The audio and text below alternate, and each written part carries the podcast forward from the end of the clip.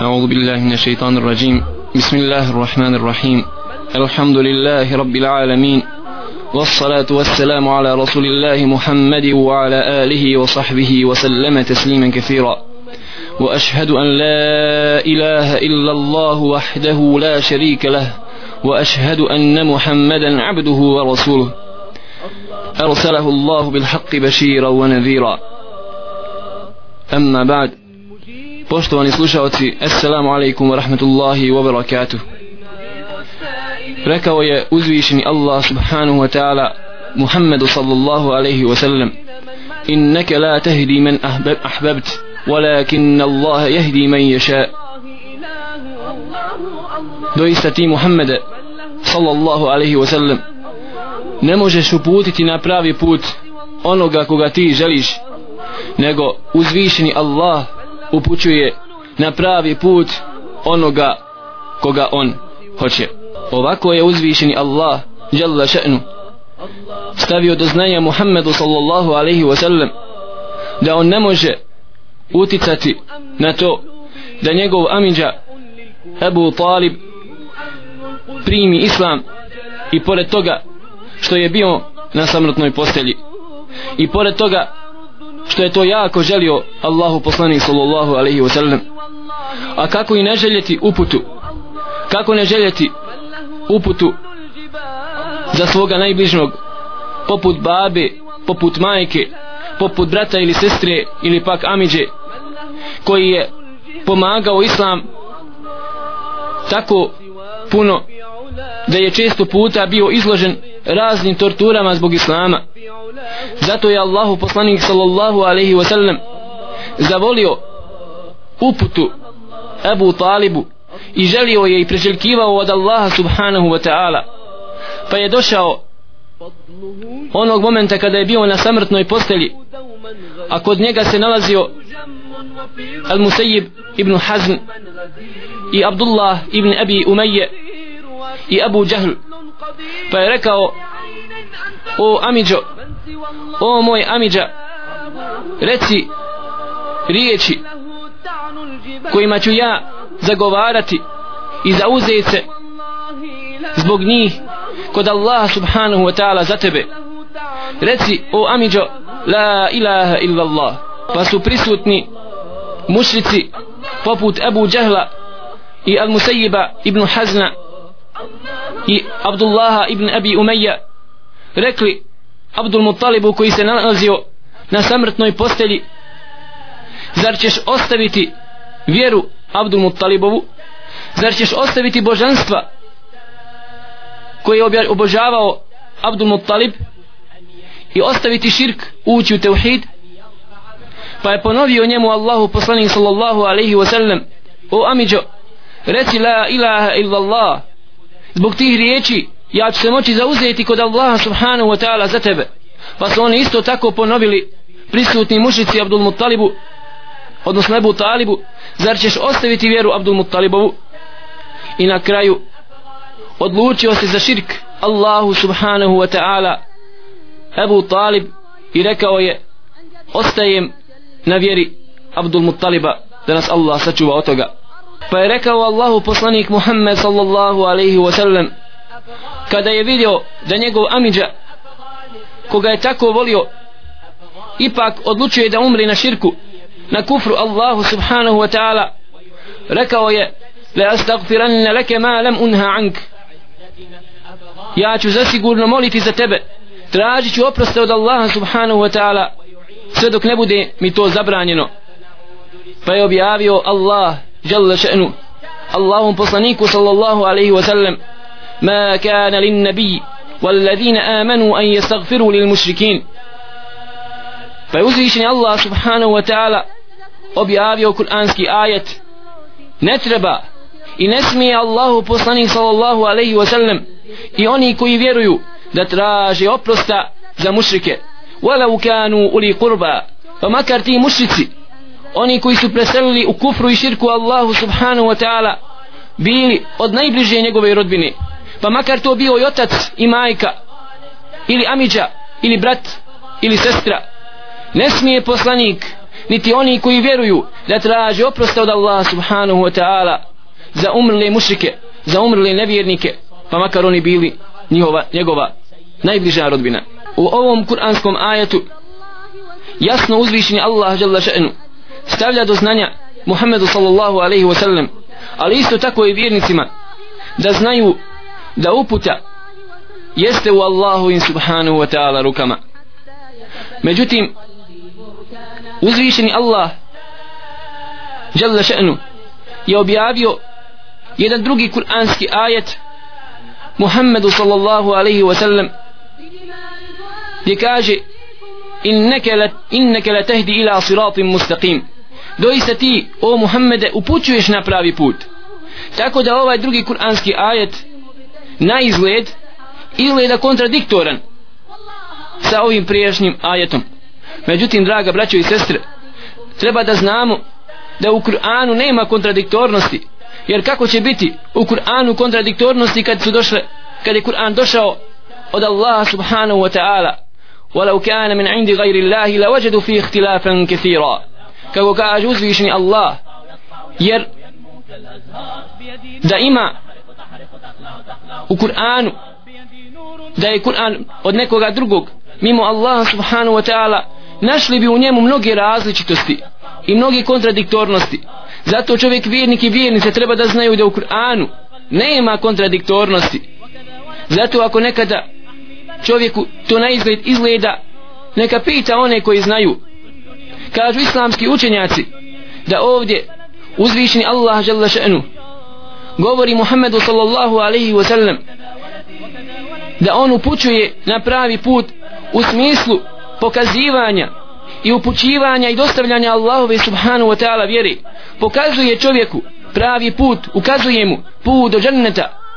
Put koji ako bude išao spasit će se od vječne vatre i ovako Allahu poslanik sallallahu alaihi wasallam jeste upućivač u smislu pokazatelja kao čovjek onaj koji stoji na raskrsnici puteva i upućuje prstom ljude i pokazuje im koji je to pravi put kojim trebaju da idu. A što se tiče ovog prvog kuranskog ajeta gdje mu uzvišen Allah želešenu kaže ti ne upućuješ na pravi put nego Allah upućuje onoga koga on hoće. Njegovo značenje jeste da kada čovjek kada čovjeku bude dostavljena uputa od strani Allaha subhanahu wa ta'ala kad dostavi Muhammed sallallahu alaihi wa sallam uputu od Allaha jalla še'nu onda Muhammed sallallahu alaihi wa sallam ne može uputiti u smislu da natjera čovjeka da uđe u ovu Allahu subhanahu wa ta'ala vjeru da krene tim putem koji mu je malo prije pokazao. Što znači da ova stvar jeste na Allahu jalla še'nu.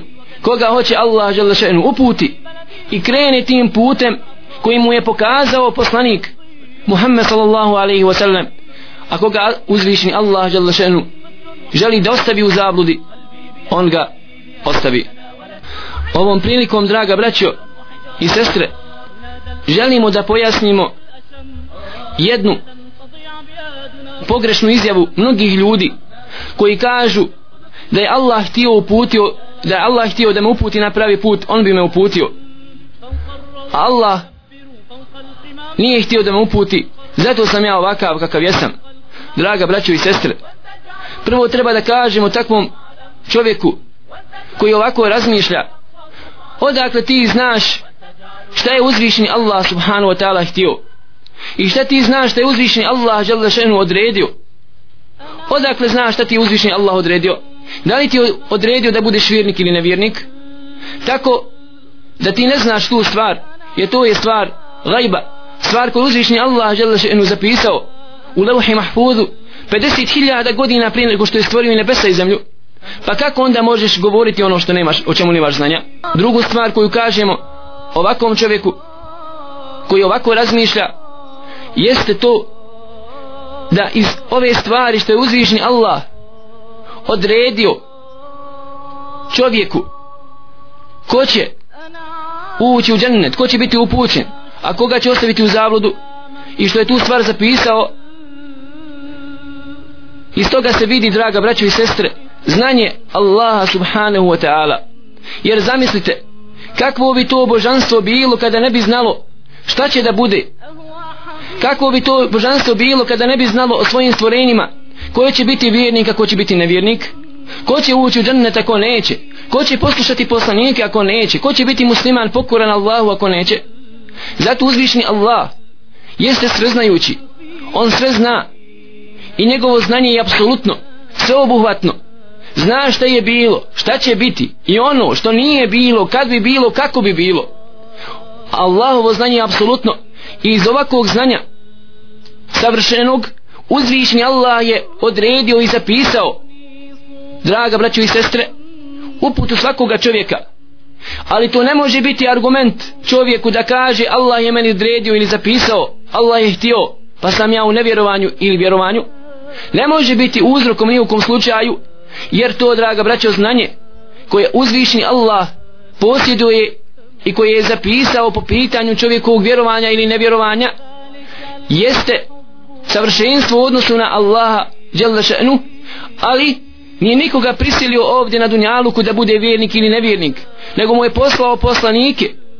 Poslao mu je objavu uspostavio argument nad njim. Pa ako hoće neka vjeruje ako neće neka ne vjeruje jer čovjek ima slobodnu volju ima slobodu izbora. Allah subhanahu wa ta'ala mu je ostavio da ide putem poslanika ili da ide putem kufra. Zamislimo draga braćo i sestre učitelja u osnovnoj školi u trećem razredu osnovne škole na početku školske godine. Imao je iskustva sa svojim učenicima u prvom i u drugom razredu. I zna da učenik taj i taj u prvoj i drugoj godini bio je apsolutno loš. I zna da ne može. U trećoj godini preći i savladati nastavni plan i program. I ovaj učitelj zapiše u svoj dnevnik bez toga da objašnjava učenicima zapiše u svoj dnevnik po imenu i prezimenu taj učenik taj i taj, taj i taj neće proći u trećem razredu. I ostavi taj dnevnik. I zaista kada dođe kraj školske godine oni padnu ali kakav je grijeh učenika što je samo zapi, učitelja što je zapisao ovu stvar? Jer je znao iz iskustva poznavao je prirodu i čud i mentalni sklop tog učenika. Tako da je samo zapisao ono što je znao. Može li učenik imati opravdanje pred učiteljem i argument da ga optuži da kaže učinio si mi nasilje što si zapisao da ću propasti u trećem razredu? Apsolutno apsolutno svako pametan i razuman reći će da ne može učenik imati argument i opravdanje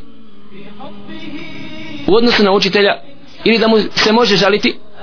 Ovako draga braćo i sestre kako može imati čovjek opravdanje da kaže Allah mi je odredio Allah je htio da ja budem nevjernik? Odakle ti znaš šta Allah je htio i šta Allah hoće i šta je uzvišni Allah zapisao?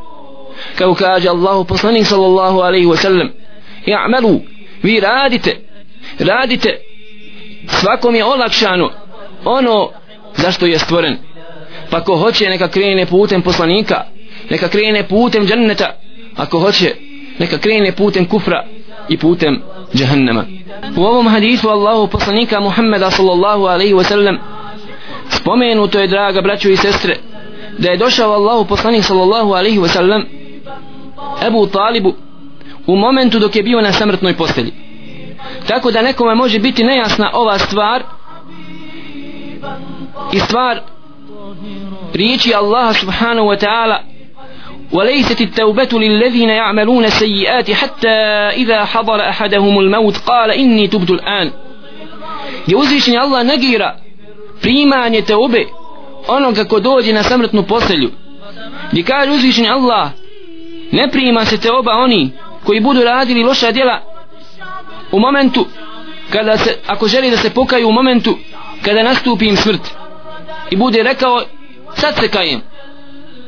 Međutim ovdje nema kontradiktornosti između ovog haditha Allahu poslanika sallallahu alaihi wa sallam što je došao da poziva svoga amiđu Ebu Taliba na samrtnoj postelji između ovog kuranskog ajeta jer u stvari ovdje se vidi jasno da Ebu Talib da Ebu Talibova duša još nije počela da izlazi nego da su na njemu bili samo znakovi smrti kao što se mogu primijetiti kod mnogih bolesnih ljudi.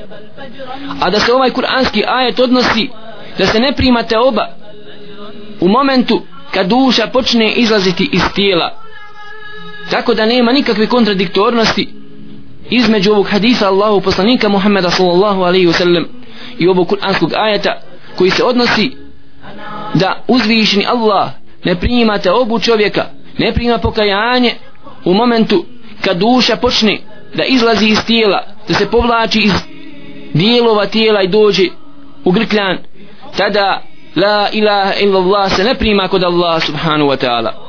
Niti te oba za bilo koji grije međutim prije nego što počne duša izlaziti iz tijela nema sumnje draga braćo i sestre da se tada te oba prima. Čak najviše i najpreće da se tada primite oba kod Allah subhanahu wa ta'ala. Jer u tim momentima čovjek se sprema za susret pred Allahom subhanahu wa ta'ala. I njegovo srce je počinjeno i po, poniženo pred Allahom samo. I često puta ovaka te oba je najiskrenija. Zato što dolazi iz iskrenog srca u tom momentu. Također iz ovog hadisa Allahu poslanika Muhammeda sallallahu alaihi wa sallam jasno se vidi draga braćo i sestre da nije dozvoljeno vjernicima da traži oproste oproste od Allaha subhanahu wa ta'ala za mušike i za nevjernike za one koji su preselili Allahu subhanahu wa ta'ala u kufru ili širku pa makar oni bili i naši najbliži tako draga braćo i sestre čovjek treba da zna da nije dozvoljeno nevjerniku ili mušriku ili ateisti komunisti koji jasno negirao Allahu subhanahu wa ta'ala postojanje. I ne samo to psovao je Allaha jasno se deklarisao da nema sudnjega dana da nema dženneta niti džahannama. Nije dozvoljeno takvom čovjeku klanjati dženazu i nije dozvoljeno dići ruke Allahu subhanahu wa ta'ala i tražiti od Allaha za oprost njegov. Pa kako kako onda može se desiti da vjernik stane na kabur takve osobe kad je uzvišeni Allah jalla še'nu zabranio Muhammedu sallallahu alaihi wa sallam da moli za svoga amidžu bez obzira što ga je toliko volio i bez obzira što je njegov amidža borio se čak za islam. Nije psovao Allaha. Nije se borio protiv Allahove vjere nego je još štitio Allaha. Štitio je Allahu subhanahu wa ta'ala vjeru. Štitio je Allahu poslanika Muhammeda sallallahu alaihi wa sallam. Međutim umro je sa kufrom. Umro je sa širkom Allahu jalla še'nu. Tako da je i pored toga i pored te usluge koje učinio islamu i muslimanima uzvišeni Allah jalla še'nu zabranio Muhammedu sallallahu alaihi wa sallam da uputi dovu njemu za njega. Međutim zbog neznanja u vjeri bilo je oni koji su htjeli učiti Kur'an čak i najvećim tagutima najvećim onim ljudima koji se borili protiv Islama koji su 40 i 50 godina držali ovu zemlju u, u komunizmu. Međutim kažem zbog neznanja ljudi bilo je oni koji su plaćali hatme ili učili jasine čak i takvim ljudima. Draga braćo i sestre uzvišeni Allah subhanahu wa ta'ala je zabranio uputiti dovu Allahu jalla še'nu za one koji su preselili jasno u kufru Allahu jalla še'nu koji se ukopavaju u odijelama u dijelima i kravatama i na čijim sahranama sviraju orkestri posmrtne pjesme pa kako može čovjek onda pomisliti da je takav čovjek musliman da će ući u džennet samo zato što nosi ime muslimansko? Iz ovog događaja sa Ebu Talibom uzima se i pouka da je Ebu Džahl i općenito mušici u Mekki da su znali šta znači la ilaha illallah. Oni su znali vrlo dobro šta znači la ilaha illallah sa kojim je došao Allahu poslanik Muhammed sallallahu alaihi wa sallam. Jer da nisu znali šta iza toga proizilazi da nisu znali šta znači one la ilaha illallah da to kad bi iz toga proizilazilo samo formalno izgovaranje jezikom izgovorio bi jebu džehl izgovorio bi jebu leheb izgovorio bi čak jebu talib međutim oni su znali da iz riječi la ilaha illallah koji čovjek izgovori to automatski znači da ibadet smiju onda osmjeriti samo Allahu subhanahu wa ta'ala. Da svoj ibadet onda ne smiju više predati bilo kome mimo Allaha jalla še'nu. Zato oni su znali šta to znači. Zato nisu izgovorili jer su znali šta iza toga proizilazi za razliku od mnogih ili bolje reći jednog dijela muslimana koji izgovaraju la ilaha illallah ali naći ćemo draga braćo i sestre da oni mrze islam mrze Allaha bore se protiv Allahove i Jalla še'nu vjeri bore se protiv Allahove i Jalla še'nu robova ali njihova imena su muslimanska. Izgovorit će ti stotinu puta la ilaha illallah ali naći ćeš ga najvećim neprijatelja Allaha i poslanika. Zato što ne razumije što znači njegovo la ilaha illallah zato mu ono neće koristiti kod Allaha subhanahu wa ta'ala ništa na sudnjem danu. U ovom događaju jasan je odgovor onome ko kaže da je Abdul Mutal, da je Ebu Talib primio islam odnosno da je umro kao musliman. Jer ovdje se jasno vidi draga braćo i sestre da je Ebu Talib umro na kufru i širku. Allahu subhanahu wa ta'ala. Također iz ovog događaja uzima se i pouka i poruka da vjernik i vjernica moraju voditi računa o društvu da moraju voditi računa sa kome se druže sa kome sjeli sa kome provode dane i noći. Jer pogledajte da nije bilo Ebu Džehla da nije bilo Sej ibn Hazna i Abdullaha ibn Abi Umeja koji su postakli Ebu Taliba da umre na širku i na kufru Allahu subhanahu wa ta'ala. Možda možda bi on primio islam međutim samo njegovo druženje sa mušicima sa nevjernicima u Allaha jalla še'nu bilo je jedan od najvećih uzroka da je u posljednjim momentima pokleknuo i nije prihvatio Allahu subhanahu wa ta'ala vjeru. Zato draga braćo i sestre čovjek mora voditi računa sa kome se druži sa kome sjeli sa kome provodi dane i noći. Jer pogledajte hadith Allahu poslanika sallallahu alaihi wa sallam šta kaže za dijete koji se rodi u Allahovoj vjeri.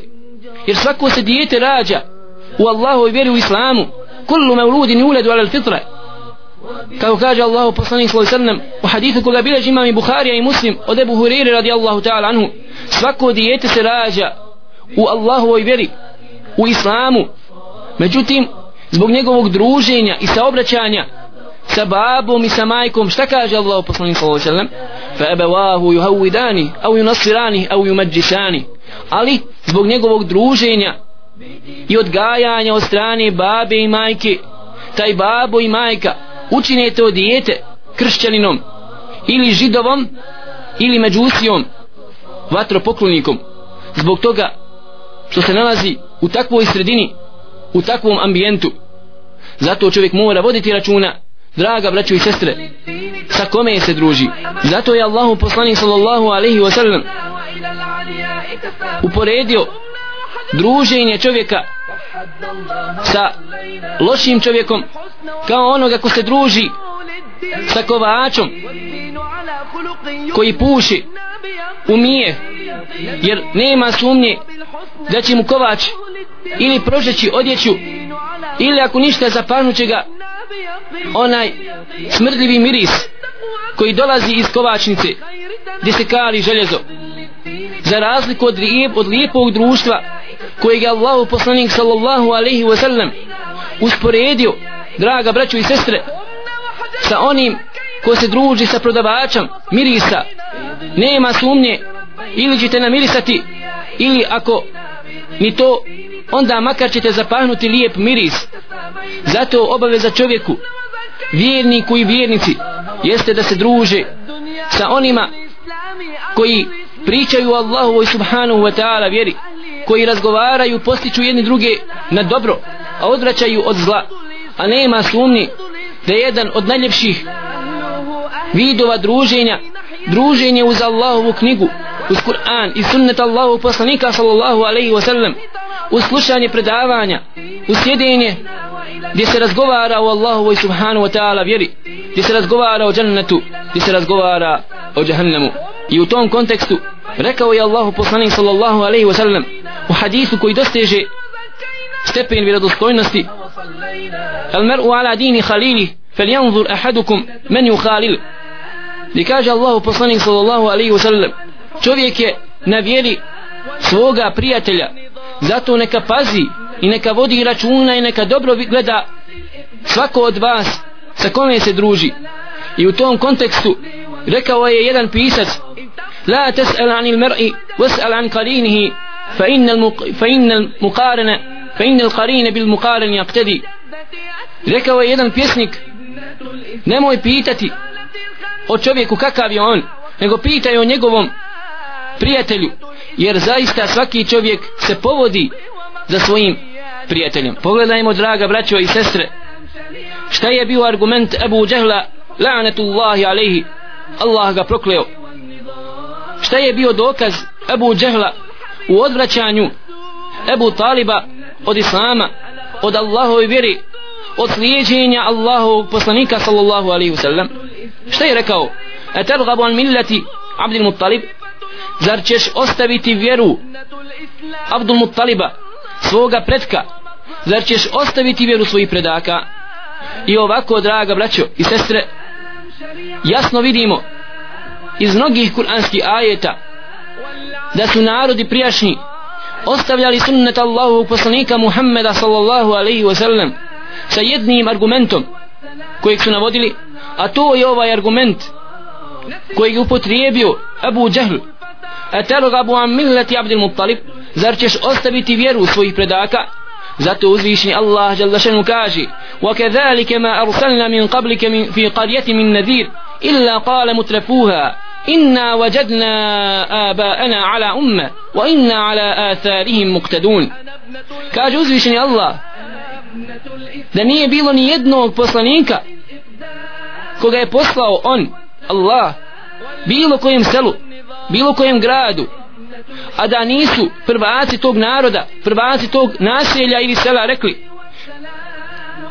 braneći se od poziva Allahu i poslanika šta su rekli koji je bio argument? Isti argument koji je upotrebio Abu Jahl inna wajadna aba'ana ala umme. Mi smo zatekli svoje predke svoje babe i svoje djedova i pradjedove na ovom vjerovanju na ovom putu. I mi slijedimo njihove tragove. Idemo njihovim putem. Nemoj da nam dolaziš sa čime bilo novim. Jer ukoliko budeš došao imat ćeš problem. Imat ćeš belaj.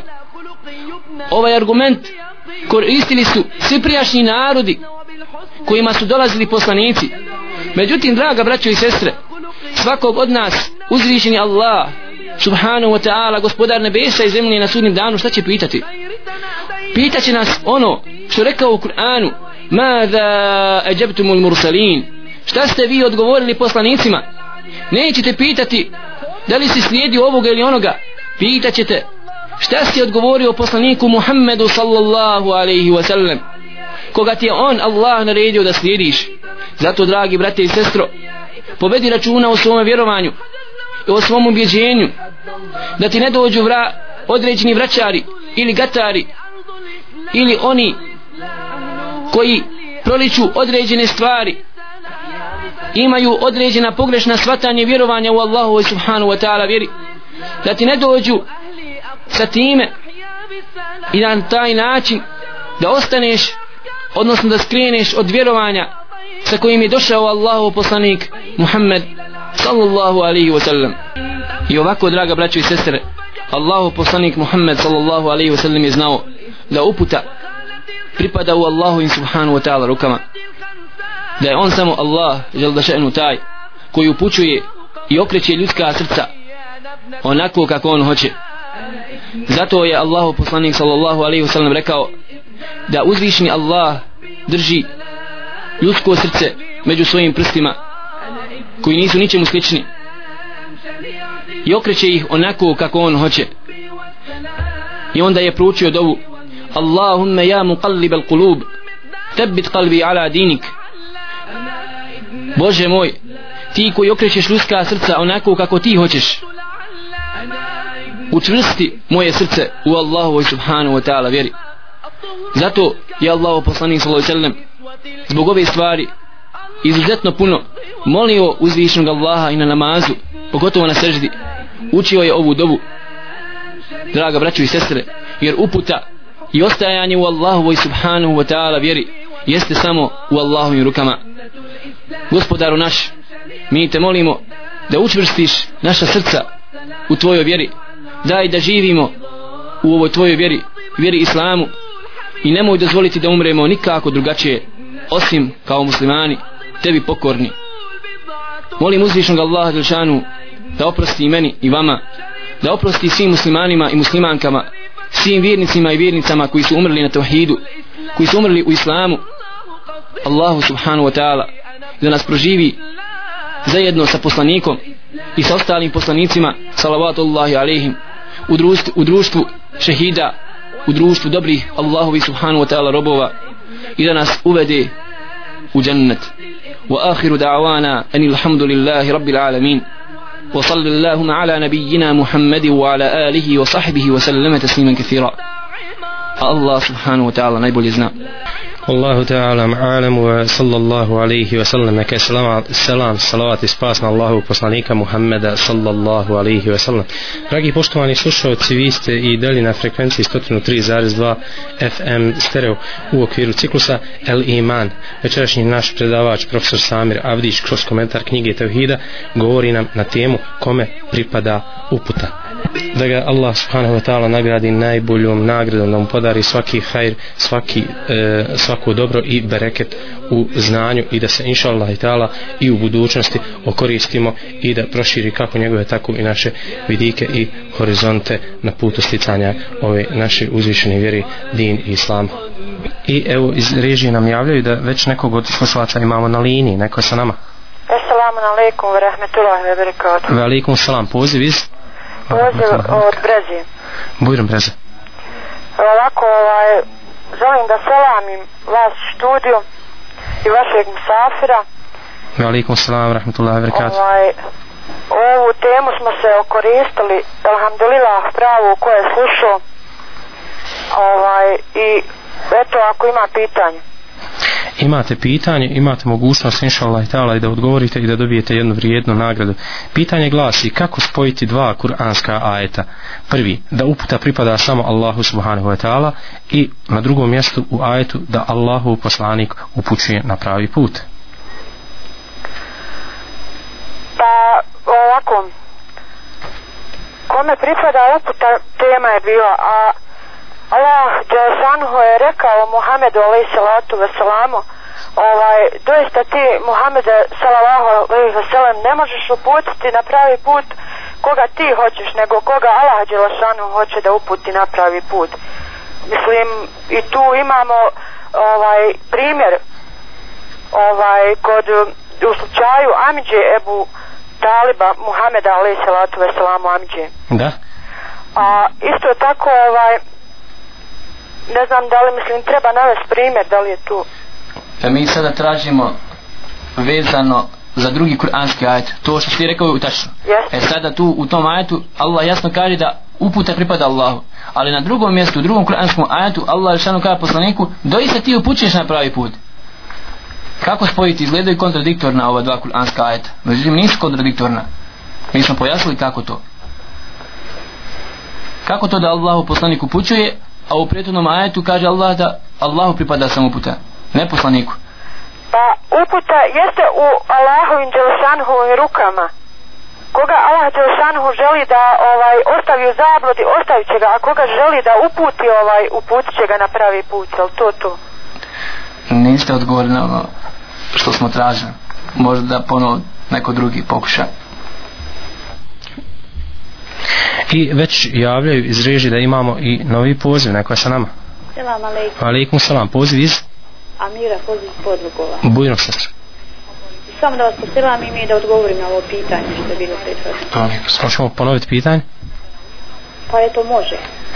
Kako spojiti dva kuranska ajeta u prvom da uputa pripada samo Allahu subhanahu wa ta'ala i u drugom ajetu da Allahu poslanik upućuje na pravi put Ovako uputa da samo pripada Allahu Đelešanu jeste došla je ovako jer Allah Đelešanu kaže ti Muhammed ti doista ne možeš uputi na pravi put onoga koga ti želiš da uputiš jer Allah u istinu ukazuje na pravi put onom kome on hoće i to je slučaj Amđe rekli smo poslanika Muhameda ovaj Ebu Taliba i taj aje tada je ovaj ovaj dostavljen povodom toga. A poslanik Aleyhisselam jeste, on je onaj odavlan od Allaha da upućuje u, i ukazuje, objašnjava našu vjeru jel, i šerijat. E, to je ono što Da, tražimo. Ko, ko će to primiti, prihvatiti, a oni su bili nevjernici kafiri i, i tako da nije dozvoljeno za uzimanje ovaj da se mogu.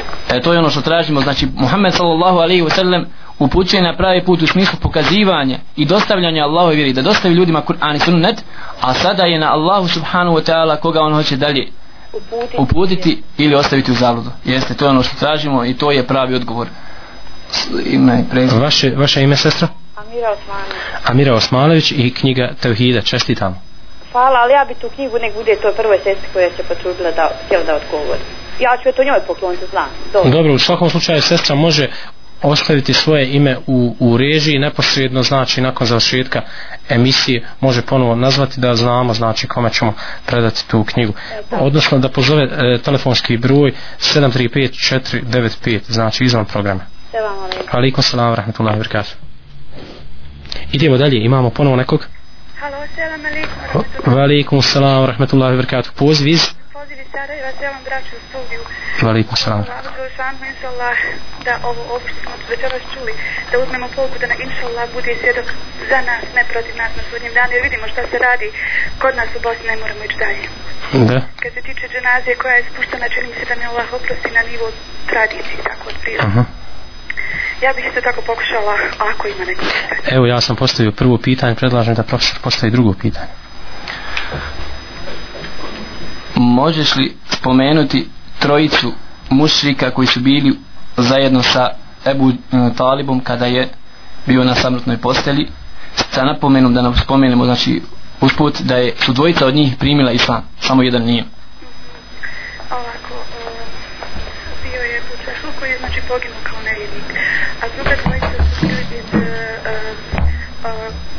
da su iz plemena e, Benu Mahzuma, znači bili su iz tog plemena, a to je bilo, e, bio je e, Ebu Umeje i, i pazite e, Abu Umeje ili možda njegov sin. Abdullah ibn, e, njegov sin dobro drugi? A drugi je bio e, Ano, ne znam, ne znam dobro samo malo sačekajte. Drugi je bio drugi je bio Sejib ibn Hazm. Jeste li razumio? E, što se tiče ove dvojice samo da napomenemo oni su obo dvojice primili islam. I njegov jeste bab njegov sin zvao se Sa'id poznati tabiin Sa'id ibn Musayyib. A babo im se zvao odnosno djed Hazm. I on je isto primio islam. Tako da jedan je tabiin a dvojica su dvojice. a sahaba jeste njegov djed Hazn je primio islam i poginuo je na jem, uh, u borbi protiv bitka, lažnog jeste na, na imami. Bitka na imamida protiv, protiv jeste. Jeste to je ono što želimo da kažemo s tim da napomenemo ovdje jedan događaj vezan za njega za njegovog djeda ovog Hazna. A ono u osnovi znači tuga. Pa je kada je došao da primi islam kod Allahov poslanika sam sam rekao mu je Allahov poslanik da promijeni ime jer mu se nije svidjelo poslaniku svoj srna jer značilo je tuga međutim on je rekao ne želim da mijenjam ono što mi je moj babu nadio ime. Tako da kaže Said njegov unuk kaže neprestano je od tog momenta bila tuga u našoj porodici. Tako da Allahu poslanik se nam volio lijepa imena koja imaju lijepo značenje poput Ajši koja znači životvorno nešto i tako dalje. Samo ime i prezime. Kadrić Samija i e, nagrada je e, komplet dvije knjige Put pravog muslimana Minhađa muslim od šeha Džabra Ebu Bekra Al-Đazairi Barak Allah fikum. Imamo novi poziv. Salam alaikum. Alaikum salam rahmetullahi wa barakatuh. E, samo da vas posalamim ovaj, vas i vašeg i našeg gosta da ga Allah nagradi na predavanju i ovaj, da kažem da vas slušamo. Pitanja ne ima jedno vi ako imate pitanje. Pa imamo mi pitanje koje je ovako dosta interesantno i mislim da je bitno u, u ovoj večerašnjoj temi kome pripada uputa. E, situacija između Ebu Džehla i Ebu Taliba kada je Ebu Talib pozvan da primi islam. Treba da navedete argument koji je zastupao Ebu Džehl da Ebu Talib ne primi islam. E, um, šta je on tada rekao? E, kada je poslanik sallallahu alejhi ve sellem rekao o Amidže reci la ilaha illallah. Uh -huh. dakle onda mi je Ebu Džehl rekao zar želiš da ostaviš vjeru Abdul Mutalibovu E to je dobro što ste rekli. Samo možete znači sad jednu izvući pouku. Malo koji to, to. Jeste, obrazložiti ako može. Samo to malo pojasnite. Šta se iz toga može zaključiti? Odnosno šta je bitno u tome? E, pa dakle... Poziv na šta? E, poziv nas, dakle na svoju vjeru, iako ovaj, ne znaju da, da je to e, tačna vjera, ipak poziv je bio da jednostavno ostanu u njihovoj vjeri, u njihovom društvu i to. Znači da slijede vjeru svojih predaka. Da. Tako. Znači da, da bi bilo sramota da se da se napravi. Sramota bi bila da. Jeste, jeste. To bi znači kao bilo u, u njihov u da njihov se, da se prekrši običaj jednog u njihovom plemenu znači određeni presedan da neko da, jer je on napusti vjeru. neki veći čovjek Ebu Talib kod njega. -huh, uh -huh. Dobro, u svakom slučaju odgovor je tačan. Dobro, e, sestro, imate mogućnost nagrade, a to je e, mini porodična biblioteka u izdavaštvu fundacije Al Haramein. Ime? Mubina Harmović. Mubina Harmović, čestitamo i mini porodična biblioteka izdavaštvo fundacije Al Haramein. Salam alaikum. Alaikum salam. Imamo novi poziv. Halo? Da. Salam alaikum. Alaikum salam, rahmetullahi wa barakatuh. Poziv iz Zenci. Bujrom Zenci. Salam vama u studiju i posalamio bi našeg uvaženog gosta predavača. Vrlo lijep predavanje. Alaikum salam. I posalamio bi sve slušalce radio nabe. I one koji nas slušaju izvan granica Bosne i Hercegovine, jel? Baš tako. Allah vas nagradi. Amin. Onaj, ako imate jedno pitanje za mene. Evo, poslali smo tri, imamo dopunskih pitanja, da pogledamo malo, ja sam ono što sam imao pripremljeno već rekao, evo profesor ako je nešto raspoložen da i on postavi. Može se navesti dokaz iz Kur'ana gdje se zabranjuje Allahom poslanik poslanim vjernicima da moli za mušike ili za oni znači koji su presadili u kufu ili širku znači? Iz konteksta predavanja ne? Ne treba i ne smije Allah, poslanik eh, sallallahu alaihi wa sallam tražiti oprost od, al, eh, od Allah subhanahu wa ta'ala pa makar to bio otac i mati a kamoli za mušike uputa je u Allahovim sallallahu uh, subhanahu wa ta'ala rukama. Jeste, jeste. To je odgovor. Pa ako da dopunim još. Ne treba u redu je. Eh, dobro. Evo jedna porodična biblioteka znači u još jedna znači porodična biblioteka mini porodična biblioteka izdavaštvo fundacije Al Haramein za Samre Skopljaka jel? Ja sam Skopljak, a ovako ja imam onaj tu porodičnu biblioteku. Pa, Želiš pokloniti? Pa poklonuo bi onaj ili knjižari radio naba onaj ili nekome ko se prvi eto javi. Dobro, eto ko se javi prvi posle tebe, pošto ja mislim da knjižara to već ima, da inša Allah teala dobije Može. Dobije to. Evo, ko se prvi pozove, Samir Skopljak želi da pokloni mini porodičnu biblioteku. Vi ste? Esalamu alaikum. Alaikum salam. Selam i vas, selam i slušalci Rađa Naba. Alaikum salam, rahmetullahi wabarakatuh. Vaše ime? Amra Jamaković. Amra Jamaković, mini porodična biblioteka u izdavaštvu fondacije Al Haramein. Alhamdulillah, assalamu alaikum.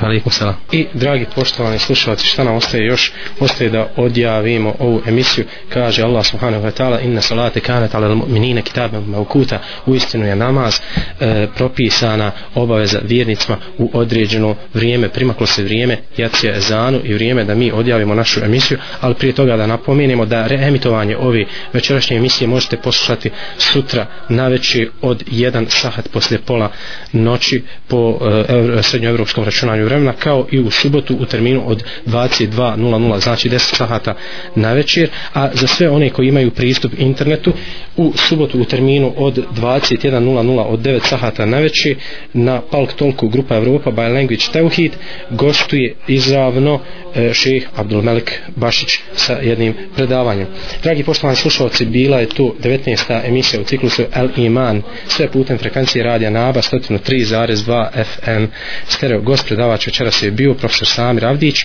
a u okviru komentara knjige Tevhida večeras smo govorili na temu kome pripada uputa. Tonsko-tehnički realizator večerašnjeg programa je bio Ernest Svehak a urednik i voditelj Adnan Muslija subhanak Allahumme ve bihamdike ašhedu en la ilaha illa ente stakfiruke ve tubu ilik wassalamu alaikum wa rahmatullahi wa barakatuh.